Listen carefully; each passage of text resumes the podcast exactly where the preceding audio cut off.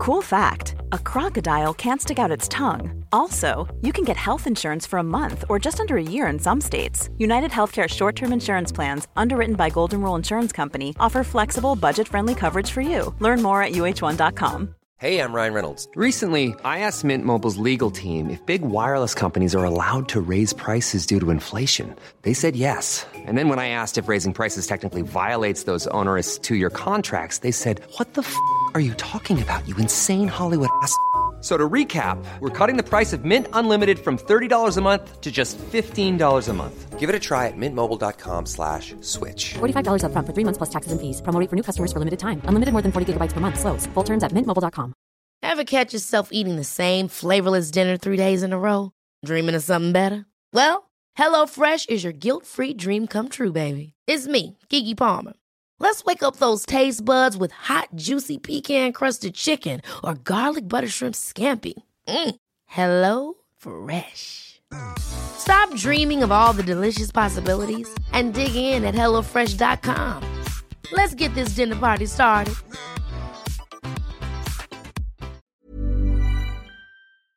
Life is like animal porn. It's not for everybody.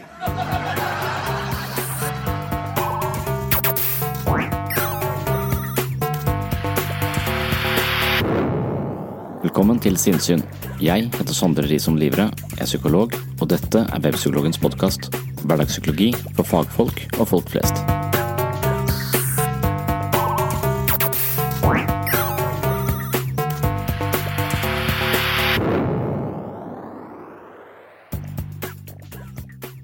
Rent overordna sett opererer litteraturen med noen kategorier i forhold til selvmord. Det er snakk om det planlagte selvmordet, det impulsive selvmordet, og de selvmordene som befinner seg et sted mellom impuls og mer reflekterte overveielser. I løpet av denne episoden skal vi utforske denne tematikken litt grundigere. Flere studier knytter impulsivitet til selvmordsfare. I en innledende vignett fra et gammelt foredrag snakker jeg om forholdet mellom impulsivitet og selvmord. Evnen til affektregulering og evnen til å koble inn refleksjon mellom impuls og handling er en viktig markør i forhold til psykisk sunnhet. Å handle på impuls i håpløshetens navn kan være dødelig. Suicide, it's the coward's way out, right? Every time someone kills themselves, they go, he took the coward's way out, is all he did. Suicide is for cowards who don't want to deal with their problems, so they want an easy fix and an easy solution. Fuck you.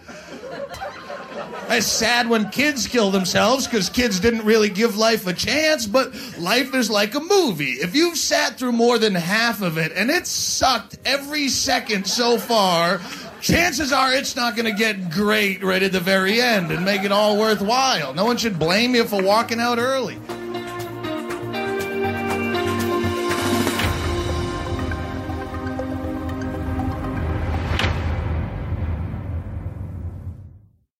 På et mer personlig plan, da, hva, hva er det som foregår inni et menneske som, eh, som tenker på selvmord?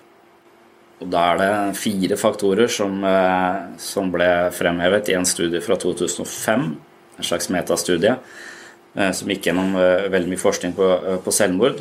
Og Da var det en intens følelse av håpløshet, et hemmet følelsesliv, nevroser, det å være innadvendt, samt impulsivitet. Gå litt gjennom de. Det impulsive selvmordet. Her har du Kari som er 17 år, stjeler en bil og kjører i en fjellvegg. En stressende hendelse inntreffer, og omstendighetene som oppmuntrer til selvmord, oppstår akkurat idet personen vurderer det seriøst.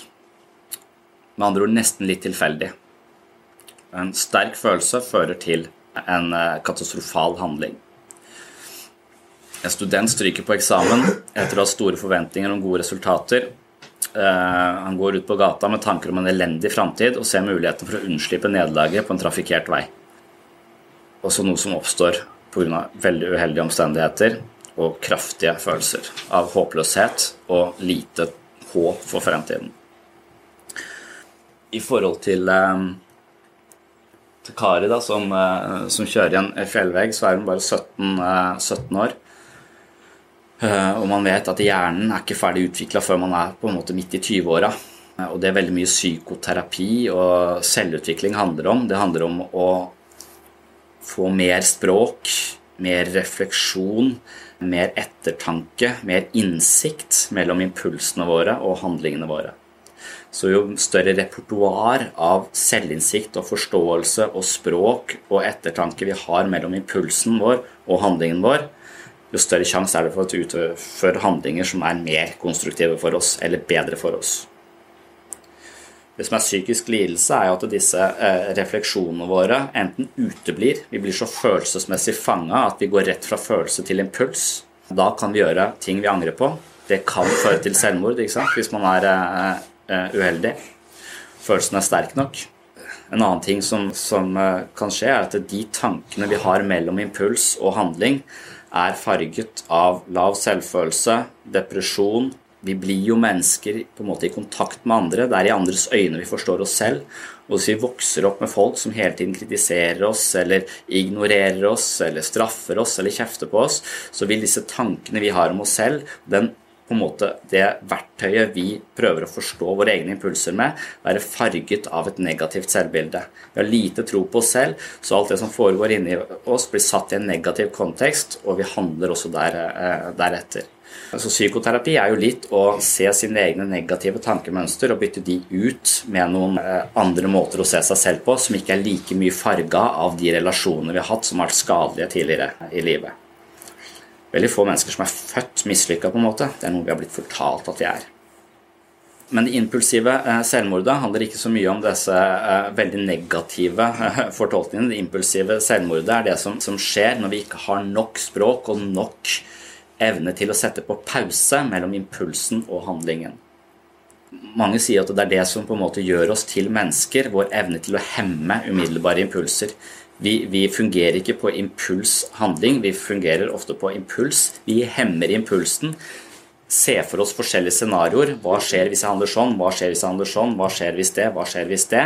Vi, eh, vi undersøker vår egen impuls, en slags kritisk analyse, før vi handler. Det er der fornuften eller refleksjonsevnen vår kommer inn. Ved sterke nok følelser så overtar på en måte blir hjernen overkjørt av følelser evnen til refleksjon kuttes ut, og vi går rett eh, i handling. Det er egentlig bra i noen situasjoner hvor vi f.eks. er i en umiddelbar fare. Hvor vi holder på å krasje, f.eks. Så, eh, så er det ikke så lurt at eh, impulsen vår for å svinge unna når det kommer en trailer i 80 km, 30 tonn rett mot deg, så er det ikke så lurt å tenke så fryktelig mye på hva du skal gjøre. Da er ettertanke og refleksjon dødelig. Da er det bra å gå fra impuls til handling trailer kjører på meg, jeg svinger unna uten å tenke, eh, tenke meg om, og jeg overlever. Når dette eh, skjer, når vi blir veldig sinte, eller når vi eh, på en måte blir veldig skuffa og følelsen blir så sterk at vi kobler ut måten å tenke på, så kan det føre til selvmord. Det er det impulsive selvmordet. Og eh, som sagt, evnen til å reflektere og tenke på vår indre verden, altså metarefleksjon, eh, metakognisjon, det å tenke på sine egne tankemønster, ganske avansert mental prosess, er ikke ferdig utvikla før midt i 20-årene, så det å være ung er farlig. Ungdom er mer impulsive, og kjærlighetssorg, kraftige følelser, kan da være eh, farlig.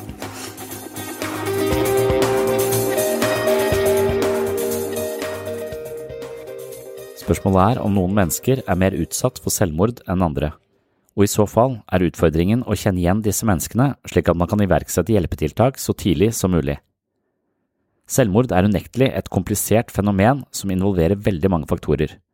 I denne episoden skal vi se på karaktertrekk og personlighet i forhold til selvmord. Mye tyder på at mennesker med enten aggressive, impulsive eller innadvendte trekk er mer utsatt for selvmord. Nevrotikere er også definert i risikogruppen.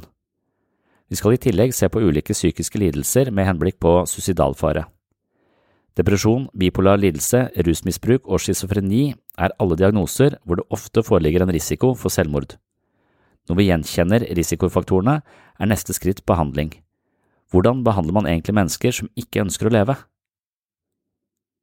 Psykiske lidelser, spesielt depresjon og rusmisbruk, er etter alt å dømme de diagnosene som er nærmest knyttet til selvmord. Depresjon fører ikke nødvendigvis til selvmord. Kun 25–30% av mennesker som lider av alvorlig depresjon, har tanker om å begå selvmord, men 90% av dem som forsøker å begå selvmord, opplevde en depresjon i forkant. Det er fire ganger mer sannsynlig at menn dør av et selvmordsforsøk enn kvinner, men kvinner forsøker å begå selvmord tre ganger så ofte som menn. En litteraturstudie fra 2005 gjennomgår publiserte studier om selvmord og identifiserer her tre avgjørende faktorer hos mennesker som begår eller forsøker å begå selvmord. En intens følelse av håpløshet, et hemmet følelsesliv, altså det man av og til kaller nevroser, og innadvendthet var angivelig relatert til forekomsten av selvmord. En studie foretatt i Zürich i 2008 oppdaget at flesteparten av deprimerte mennesker ikke forsøker å begå selvmord, men de som forsøker å ta sitt eget liv, hadde en kombinasjon av negativ emosjonell utadvendthet eller utagerende emosjonell håndtering og en innadvendt håndtering av negative følelser. De emosjonelt utadvendte trekkene ble definert som aggresjon, atferdsproblemer og impulsivitet. De innadvendte karaktertrekkene handlet om depressiv personlighet, nevrotisisme og lav selvtillit. Hva betyr egentlig dette? Flere studier knytter impulsivitet til selvmord. Mennesker som tenker gjennom ting, reflekterer over sine innskytelser og følelser, vil som regel håndtere sine impulser uten å handle på dem. På sett og vis er det nettopp denne evnen, det som kalles selvbevissthet, som skiller oss fra dyrene. Istedenfor å handle impulsivt på alle innskytelser, har vi evnen til å hemme disse impulsene og vurdere dem opp mot situasjonen. Psykologen Paul Ekman, som er en ledende forsker på psykologisk sunnhet eh, og ikke minst følelser, forteller at denne innsikten var det viktigste han lærte under sin utdannelse som psykoterapeut. Han husket at veilederen hans formulerte det slik. Ditt mål for dine pasienter er å øke tiden mellom impuls og handling. Hvis de kan utvide det tidsrommet, vil det være en gevinst for dem. En langtidsstudie fulgte impulsive småbarn i ti år. Impulsive treåringer hadde en økt risiko for selvmordsforsøk når de ble 21 år gamle. En annen studie oppdaget at impulsivitet var en nøkkelfaktor for både selvmordsforsøk og selvmord. I psykoterapi gjør man nettopp et bevisst forsøk på å reflektere over egne følelser og tanker. Av og til rammes man av kraftige følelser som setter all rasjonell tankegang ut av spill. Man risikerer å handle impulsivt i situasjoner hvor man egentlig burde tenkt seg om to ganger. Teknikken i psykoterapi er å trene opp selvbevissthet, eller evnen til å reflektere over disse overmannende emosjonelle responsene, slik at de mister litt av sin impulsive kraft. Man gjør sine egne følelser, destruktive tanker og uheldige responser om til refleksjonsobjekt, hvorpå man stiller seg utenfor seg selv og gjør en mer nøytral vurdering av den pågjeldende situasjonen. Traumer og ulike typer omsorgssvikt kan føre til at mennesker ikke utvikler en solid evne til å forstå, tåle og undersøke sine impulser og innskytelser i preste situasjoner. Dermed risikerer man å agere for raskt på emosjonell turbulens anstiftet av eh, negativt tankegods, og her er risikoen for å skade seg selv selvfølgelig til stede. Selvmord er på mange måter en aggressiv handling. Forskning har avslørt at de som ofte var involvert i fysiske basketak, ofte hadde selvmordsforsøk av en mer aggressiv og voldsom karakter, og derfor lykkes de oftere med å ta sitt eget liv. Selvmordskandidatene i denne kategorien hadde som regel et kriminelt rulleblad, og i relasjon til dette fant en studie fra Sør-Afrika at atferdsforstyrrelser var den mest vanlige diagnosen hos suicidale tenåringer. Atferdsforstyrrelser er her definert som kroniske atferdsproblemer som for eksempel antisosial oppførsel, kriminell aktivitet, trass og impulsivitet. Aggressive følelser og handlinger hos barn, studert ved en atferdsklinikk, var en tydelig og signifikant pekepinn på selvmordsrisikoen senere i livet. Alkoholisme øker aggresjonen hos de som i utgangspunktet befinner seg i faresonen med hensyn til selvmordsrisiko. Det viser seg at det voksne menn som har begått selvmord, scorer høyt på spontanitet og reaktiv aggresjon. Her er det verdt å merke seg at aggresjon ikke alltid er eh, fysisk og åpenbar. Et aggressivt gemytt kan også være til stede hos personer som ikke virker utagerende eller fysisk truende. Å være i forsvar, reaktiv aggresjon og manipulerende atferd er også eksempler på aggresjon. I mange sammenhenger skiller man mellom reaktiv og proaktiv aggresjon hvorpå begge kategoriene assosieres med økt selvmordsfare. Reaktiv aggressivitet er ofte en stabil tendens til å bli sint i møte med frustrasjoner, hindringer eller provokasjoner. I slike situasjoner lar en sinne få utløp i negative handlinger. Denne formen er overlappende med andre begreper som hostile aggression og emotional aggression. Det vi her kaller reaktiv aggresjon, kjennetegnes ved varmblodighet, altså det at man blir lett emosjonelt aktivert. Ofte er man øyeblikksfokusert, det koker over emosjonelt og slår ut i et angrep med intensjonen om å skade. Det kognitive apparatet svekkes ofte i situasjonen, man tenker ikke klart, men er fanget i impulsenes vold. Ved reaktiv eh, aggresjon, eller den typen eh, reaksjonsmønstre, er det også stor fare for å bli avvist, og det er også noe man er redd for, og man tolker gjerne signaler fra andre med en negativ tendens, altså man feiltolker. Man har også et ganske smalt eh, fortolkningsrepertoar, møter verden med en type mistenksomhet og mistillit, noe som skaper avstand og distanse til andre. I tillegg anstifter det ofte en slags fiendtlig atmosfære. Opptatt av eh, aggressive bilder, symboler, språk osv. Det er også et kjennetegn ved denne reaktive, aggressive atferden. Man risikerer å ha lav status og er dårlig likt blant eh, jevnaldrende. Prognosene ser ut til å være relativt dårlige og vedvarende. Det man kaller proaktiv aggresjon, det er en eh, litt annen variant, og den kjennetegnes ved kjølig og beregnende aggresjon. Her kan man score høyt på sosial status i jevnaldergruppa. Man har ofte egosentriske mål. Holdningen er at eh, aggresjon er noe som eh, svarer seg for å få ønsket utfall i situasjoner. Blir ofte respektert av jevnaldrende, har lederegenskaper. Proaktiv aggresjon er også en relativt stabil tendens til å reagere med utadrettet aggresjon for å oppnå sosiale gevinster. Dette er en instrumentell aggresjonsform. Poenget er at eh, mange studier antyder at vellykkede selvmordsforsøk er assosiert med en aggressiv stil, noe som selvfølgelig også handler om eh, impulsivitet og manglende evne til å forvalte følelser og impulser gjennom refleksjon og rasjonelle overveielser. And in business news, this week Kmart introduced its new credit card, and already the chain has been swamped with applications. So if you apply for a Kmart credit card and are turned down, kill yourself.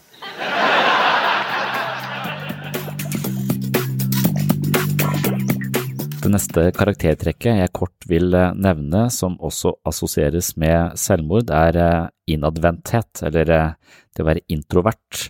Det er selvfølgelig ikke et karaktertrekk som er direkte koblet til selvmord, men innadvendte mennesker med høy grad av lidelse eller et høyt lidelsestrykk er i en risikogruppe. Og det å være introvert innebærer at man eh, finner eh, hvile og ro alene og kan oppleve samvær med andre som eh, tidvis belastende. Innadvendte personer trenger tid til å tenke for seg selv og prosessere inntrykk. Ved sterke introverte tendenser kan mangel på sosiale bånd øke følelsen av å ikke høre til, noe som igjen kan anstifte depresjon og en følelse av fremmedhet. Ikke alle mennesker som er suicidale, er innadvendte men mange suicidale pasienter er mer beskjedne, mindre optimistiske og har mindre sosial støtte i nettverket sitt. På mange måter blir vi mennesker i sosial omgang med andre. Vi får bekreftelse på oss selv og en eh, sterkere følelse av identitet og tilhørighet. Introverte mennesker som trekker seg unna sosiale situasjoner, står dermed i fare for å mangle selvbekreftelse utenfra hvorpå følelsen av annerledeshet og ensomhet slår rot og kan lede til depresjon og ytterligere isolasjon.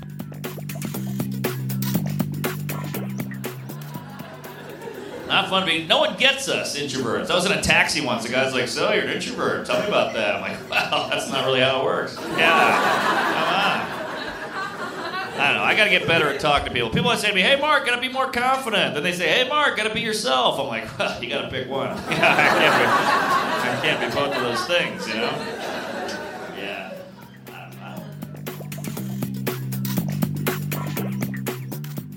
Det neste karaktertrekket jeg skal snakke om, er nevrotisisme. Nevrotisisme beskriver mennesker som har en tendens til å oppleve sinne, angst, depresjon, skyld og andre negative følelser veldig raskt og veldig lett. Nevrotisisme er på mange måter et karaktertrekk som nettopp kjennetegnes ved en tendens til å bli lett bekymra, til å spekulere over småting, til å bli sårbar overfor kritikk fra andre og usikre på seg selv. Personer med høy grad av nevrotisisme vil ofte reagere med søvnproblemer og forskjellige kroppslige symptomer og plager under påkjenning og belastninger, det som også kalles psykosomatiske symptomer. Poenget er at nevrotikeren har et anstrengt og uavklart forhold til egne følelser.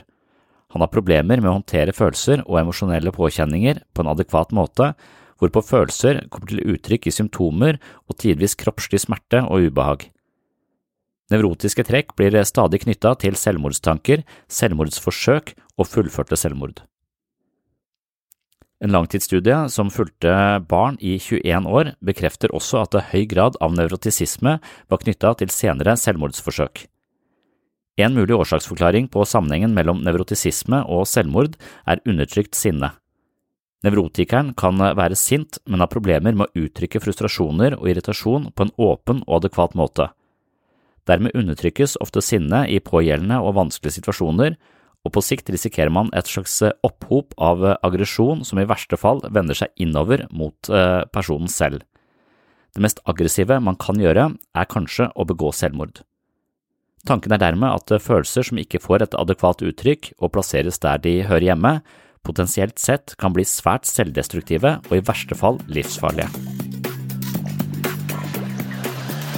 I was diagnosed recently with a thing borderline personality disorder.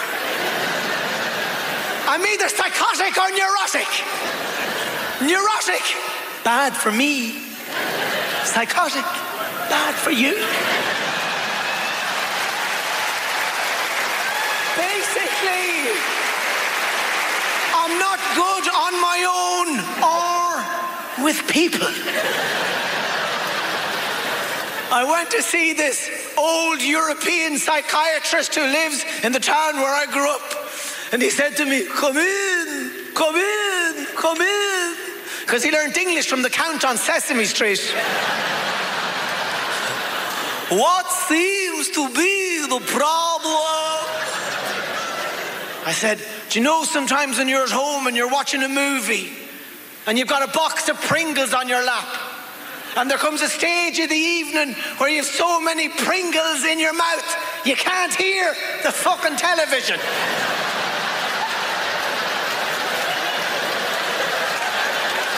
well, c'est moi. He said to me, we have to find a way of letting anger out in safe place. I want you to bark, bark, bark like a dog. And I was there, woof, woof. And he fucking hit me, bad dog.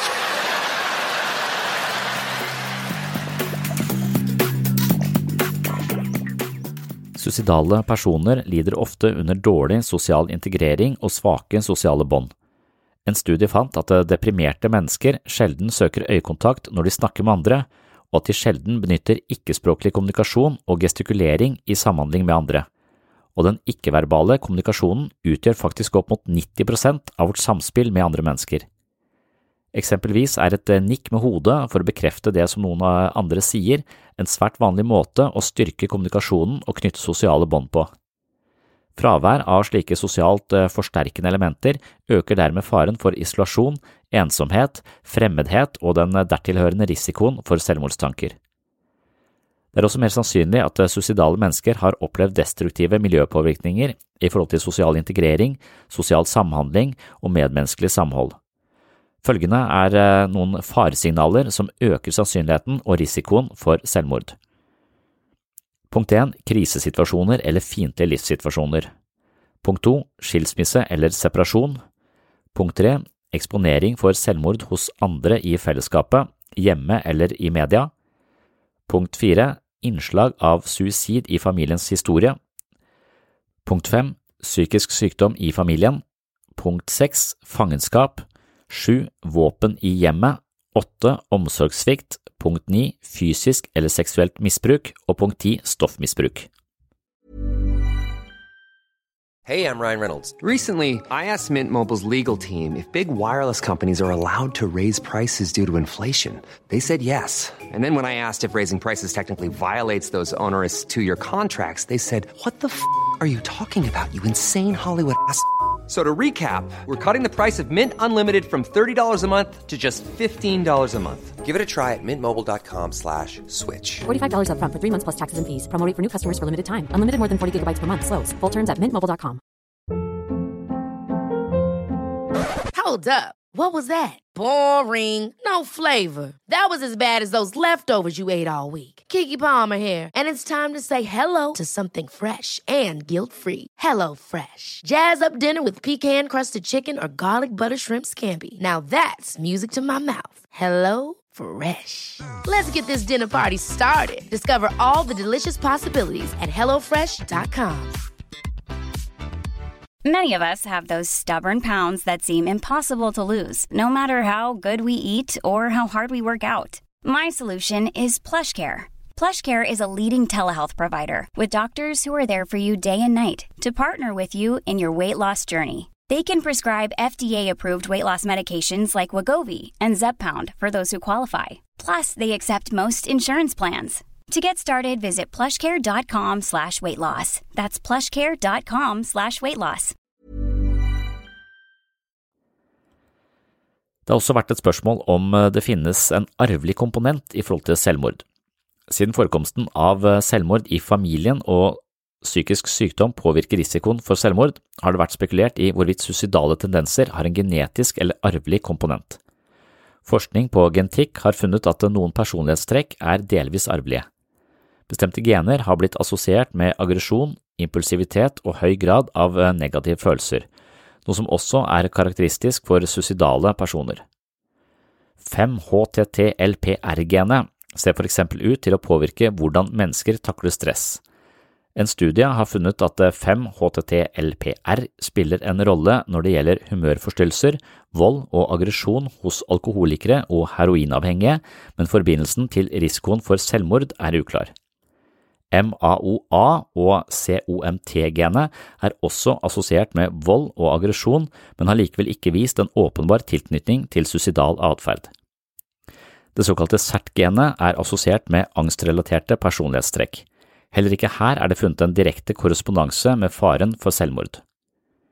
Langt de fleste mennesker har potensial til å bli aggressive, oppleve følelsesmessig turbulens og selvusikkerhet, og disse egenskapene har ofte en sterk psykososial komponent. Dermed er det vanskelig å forfekte en overbevisende forbindelse mellom gener og selvmord. Det ser ut til at miljøfaktorer er en mye sterkere pekepinn for suicidale personlighetstrekk, og miljøfaktorer påvirker dessuten uttrykket og utviklingen av våre gener. Det finnes også noen uh, psykiske lidelser som er spesielt uh, assosiert med selvmord. Jeg har allerede nevnt uh, noe av forskningen på dette området, men nå skal jeg også nevne bipolar lidelse og schizofreni. To lidelser som sannsynligvis har genetiske komponenter, er også bipolar lidelse og schizofreni. 3% av pasienter som har bipolar lidelse, dør ved selvmord. 25–90% utfører minst ett selvmordsforsøk. En gjennomgripende følelse av håpløshet er den største risikofaktoren i forhold til selvmord hos de med bipolar lidelse. 20–40% av schizofrene utfører selvmordsforsøk, og 10% er vellykkede. Depresjon er den største risikofaktoren assosiert med schizofreni og selvmord. Her er det også sannsynlig at schizofreni som lidelse er blant de vanskeligste symptombildene å forstå samt leve seg inn i. De fleste mennesker har vært delvis deprimerte og opplevd angst en lang gang i livet, men få har opplevd en verden preget av urovekkende forandringer, ulogiske hendelser og absurditeter, noe som ofte oppstår i det schizofrene symptombildet. Når vi ikke klarer å leve oss inn i den andres opplevelsesverden, skapes det en mellommenneskelig distanse som den schizofrene pasienten ofte lider under. Ensomheten og tapet av det sosiale landskapet fremkaller depressive tendenser og følelsen av ensomhet, noe som igjen er forbundet med selvmordsfare. Den amerikanske sosiologen Keith Doubt er blant mange som legger merke til at sympatien med schizofreni er knapp. Den sykdomsramte handler tidvis bisart, sier merkverdige ting og kan være sykelig inneslutta. De er ikke lenger den samme personen som tidligere, og man kan i verste fall tvile på eksistensen av det fellesmenneskelige bak eh, den såkalte galskapen. Så det er akkurat eh, dette fenomenet hvor det er vanskelig å leve seg inn i og finne en slags fellesmenneskelig plattform med den eh, schizofrene, som gjør at denne sykdommen eller dette lidelsestrykket er spesielt eh, vanskelig å kurere, og kanskje også spesielt eh, utsatt for eh, total isolasjon, altså helt falt ut av det fellesmenneskelige, noe som anstifter en sånn skrekkinnjagende form for eksistensiell ensomhet, som igjen kan forårsake selvmordstanker og selvmordsforsøk, og da spesielt da knytta til denne schizofrene lidelsen. Det er også noen som mener at kreative personligheter ofte er mer utsatt for eh, selvmord. Selvmordene til berømte artister har dominert media i hundrevis av år. Forskning viser at kreative mennesker, berømte eller ikke, øker risikoen for depresjon og selvmord. Artister har muligens en tendens til å være mer innadvendte enn de fleste, og de følger sine kreative impulser. Bipolar lidelse er det mest vanlige symptombildet hos kreative mennesker. Manien er som kjent karakterisert av masse energi, kreativitet og tankeeksplosjoner, og det er denne mentale modusen artistene lever for og tilstreber i sine skapende perioder. Den påfølgende nedturen, alvorlig depressive episoder, tar raskt knekken på den maniske euforien og de positive følelsene. Inspirasjonen og kreativiteten avtar og til slutt forsvinner. Det store spranget mellom eufori og dyp depresjon er selvfølgelig svært vanskelig å håndtere og mange opplever nedturen som uutholdelig. Bipolare pasienter slutter ofte å ta stemningsstabiliserende medisiner fordi slike medikamenter minsker muligheten for de voldsomme oppturene og inspirasjonen som følger med dem. Litium gjør at eh, mange føler seg dempet i forhold til de oppstemte og delvis euforiske følelsene som de er vant til, og de skapende menneskene er dermed forhindret i å arbeide som før på en bølge av inspirasjon og skaperkraft. Det kan virke som om deres kreativitet på eh, innviklet vis er knyttet til forstyrrelsen de lider av. Medikamentell behandling kan dempe de store svingningene, men samtidig ta brodden av kreativiteten, hvorpå sjansen er stor for at de unnlater å ta medisiner, noe som igjen betyr at faren for dype depresjoner er overhengende. Denne delen av befolkningen har dessuten en tendens til å misbruke alkohol og narkotika for å medisinere seg selv, noe som forverrer symptomene på lang sikt. Det finnes mange eksempler på kreative sjeler som har valgt å begå selvmord. Poeter og forfattere har fire ganger så stor sannsynlighet for å være rammet av affektive lidelser enn andre. Sylvia Plath, Anne Sexton, Ernest Hemingway og Virginia Woolf er blant noen som har hatt slike lidelser og tatt selvmord. Noe av det siste Jens Bjørneboe skrev, var et dikt i Dagbladet som het Farvel, Farvelbror, alkohol. Deretter avholdt han seg fra alkohol i noen uker, men da en journalist fra NRK, Hågen Ringnes, eh, kom ut på Veiland utenfor Tønsberg for å intervjue ham, ble han angivelig rasende da Ringnes ikke hadde med seg alkohol. Han nektet å la seg intervjue før Ringnes hadde reist tilbake til byen for å kjøpe en flaske whisky. Dette intervjuet ble det siste offentligheten hørte fra Bjørneboe før han tok sitt eget liv. Bare noen få måneder før eh, Bjørneboe døde, altså han hang seg på Veiland, som for øvrig er eh, en øy jeg nesten hadde utsikt til der jeg vokste opp, på Nøtterøy. Var derfor veldig opptatt av Bjørneboe gjennom hele oppveksten, og hadde en slags eh, skrekkinnjagende frykt for eh, Veiland på grunn av Bjørneboe, og at det var der han, han hang seg. Etter å ha drukket tett i ganske lang tid, som jeg har forstått det. Men bare noen få måneder før han uh, tok livet sitt, så leste han inn et uh, dikt som heter uh, Likskjorten. Og det skal du høre her. Hun gråter og gråter, den unge mor. Hun gråter og gråter seg ned, og ingenting på den grønne jord kan gi hennes hjerte fred. Hun gråter i stykker hver tro og bønn, hun gråter til natten tar slutt. Hun gråter over sin lille sønn, sin lille døde gutt. Hun gråter i stykker sitt eget liv, hun gråter sitt liv i hjel. Hun gråter seg gammel og krum og stiv, snart gråter hun ut sin sjel. Så kommer det natt, da står han der, på nakne, bløte føtter skjønt alle vet jo at han er i ro mellom rognens røtter. Han står der søvnig og ser seg om. Han gnir seg med hånden i øyet. Så liten og lys i det mørke rom, så kold og våt i tøyet. Og moren står opp, jeg ventet deg. Så er min sorg da slutt. Så kom du da igjen til meg, min lille døde gutt. Da sier han, mor, av all min gråt blir jeg så kold rundt kraven. Jeg får ikke sove når skjorten er våt. Da ligger jeg våken i graven. Verdens eh, helseorganisasjon har jobbet eh, sammen med virksomheter over hele verden for i stadig større grad å lage gode rutiner for å identifisere, behandle og forebygge selvmord. Den forskningen de har gjort, antyder at eh, redusering av tilgjengelighet til selvmordsmetoder, altså våpen, narkotika og giftstoffer, synes å hjelpe til i forhold til å redusere selvmordsforekomsten. Opplysningsarbeid, forebygging og behandling av alkohol- og narkotikamisbruk reduserer også selvmordsforekomsten. Det samme gjør opplysningsarbeid og forebyggingsarbeid, eh, og ikke minst behandling av depresjon, kriseforvaltning, tiltak og arbeid i forhold til økt selvtillit, undervisning og veiledning med henblikk på å ta avgjørelser og ansvar i eget liv, og generell oppfølging og støtte er med på å redusere selvmordsrisikoen blant tenåringer. Administrering og høyere grad av kontroll på media kan også redusere antall eh, såkalte kopiselvmord. Kopiselvmord gir mennesker mot til å ta sitt eget liv inspirert av andre som har tatt sitt eget liv. Og dette er noe jeg har snakket mye om i forhold til eh, Ari Behn som tok livet av seg rundt eh, juletider 2019. Innvandrere representerer også en risikogruppe, da de kommer inn i en ny kultur og ikke nødvendigvis føler seg som en del av eh, det større fellesskapet, og der vil bedre integrering og oppfølging redusere selvmordsforekomsten i denne gruppa. Mentale lidelser er ikke alltid den største risikofaktoren for selvmord, sier forfatteren av Reducing Suicide a National Imperative.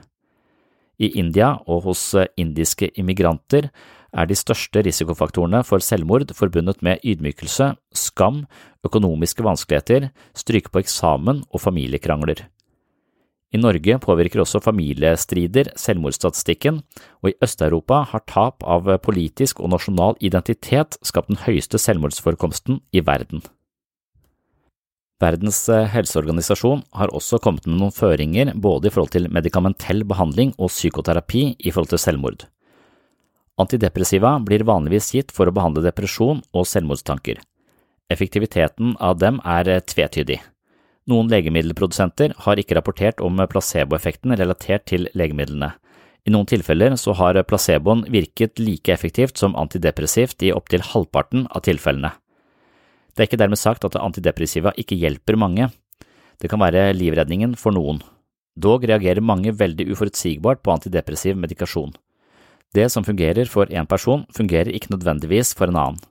En annen ulempe med antidepressive medikamenter er bivirkningene. Å finne den passende medisineringen kan ofte involvere mange forsøk og mye tålmodighet. Det skal også nevnes at det som regel tar opptil seks uker før antidepressive medisiner begynner å virke. Noen typer av psykoterapi har vist seg å være effektive i forhold til behandling av depresjon.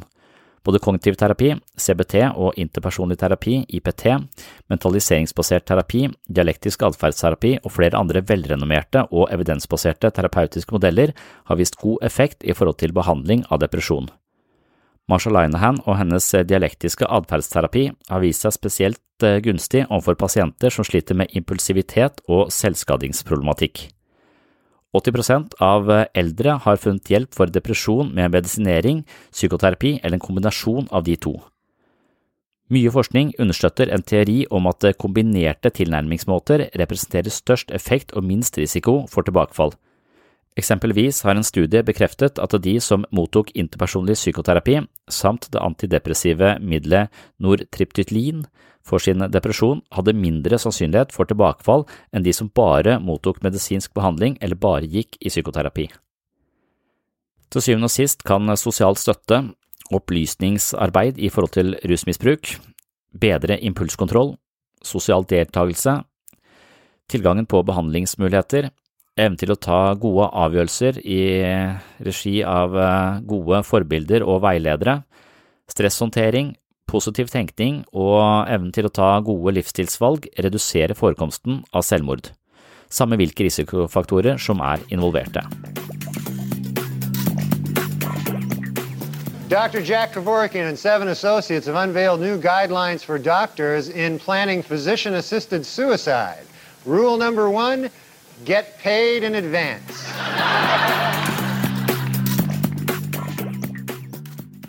Dette ble nok en eh, episode om eh, selvmord, selvmordsforebygging, forståelse av eh, selvmordet og ulike årsaksforklaringer eller årsakshypoteser. Selvmordet er et fenomen som rammer oss ganske ofte. Det er ikke en uvanlig måte å dø på. Og jeg har jo bestemt at jeg skulle lage en god del episoder om selvmordet, og dryppet de ut sånn med jevne mellomrom. Jeg begynner å nærme meg slutten på denne serien om selvmord, men jeg er ikke helt ferdig enda, så det kommer til å komme noen flere utover, ja, utover i sesongen. Det var uansett det jeg hadde for denne gang. Hvis du liker podkasten, så er jeg jo sjeleglad hvis du gidder å anbefale den til venner og bekjente, enten face to face eller via en eller annen sosial plattform. En annen måte å støtte dette prosjektet på er jo å kjøpe bøkene mine fra webpsykologen.no.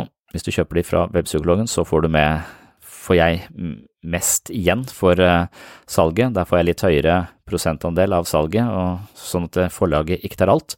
Så veldig glad hvis du kjøper de fra webpsykologen.no. Ja, det var det. Håper du henger med i neste episode. På gjenhør.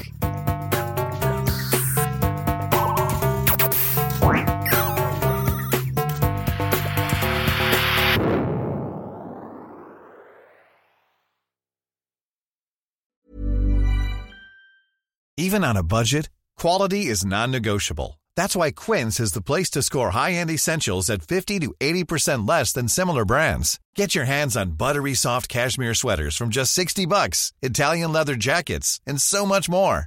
And the best part about Quince, they exclusively partner with factories committed to safe, ethical, and responsible manufacturing. Elevate your style without the elevated price tag with Quince. Go to quince.com slash upgrade for free shipping and 365-day returns. Hi, I'm Daniel, founder of Pretty Litter. Cats and cat owners deserve better than any old-fashioned litter. That's why I teamed up with scientists and veterinarians to create Pretty Litter. Its innovative crystal formula has superior odor control and weighs up to 80% less than clay litter. Pretty Litter even monitors health by changing colors to help detect early signs of potential illness. It's the world's smartest kitty litter. Go to prettylitter.com and use code ACAST for 20% off your first order and a free cat toy. Terms and conditions apply. See site for details.